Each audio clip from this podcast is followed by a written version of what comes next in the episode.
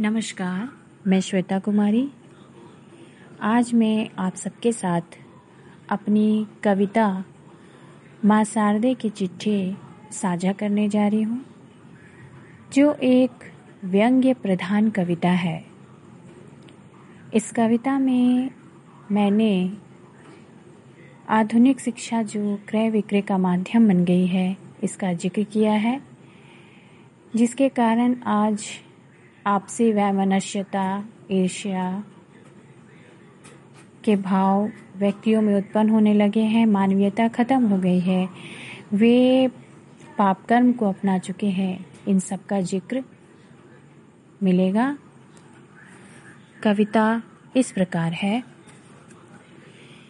अचानक किसी ने दरवाज़ा खटखटाई।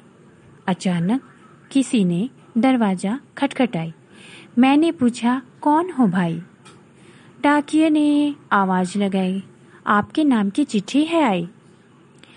चिट्ठी को उलट पुलट कर देखा, मेरे समझ न आई। मैंने पूछा, ये चिट्ठी कहाँ से आई?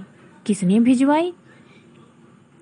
खैर, खोल कर देखा तो उसमें संदेश था, भाई, अज्ञान के अंधेरे में सृष्टि है समाई। हाय, अब मनुष्यता भी हो गई पराई। भ्रष्टाचार के हलों से हो गई इसकी जुताई।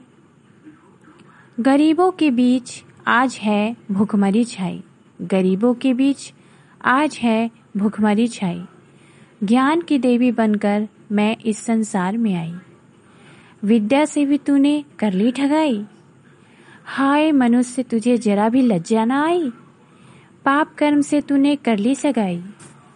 ये पढ़कर मेरी आँखें भर आई। सच्चे मन के प्रकाश से मानव मस्तिष्क की करनी होगी सफ़ाई।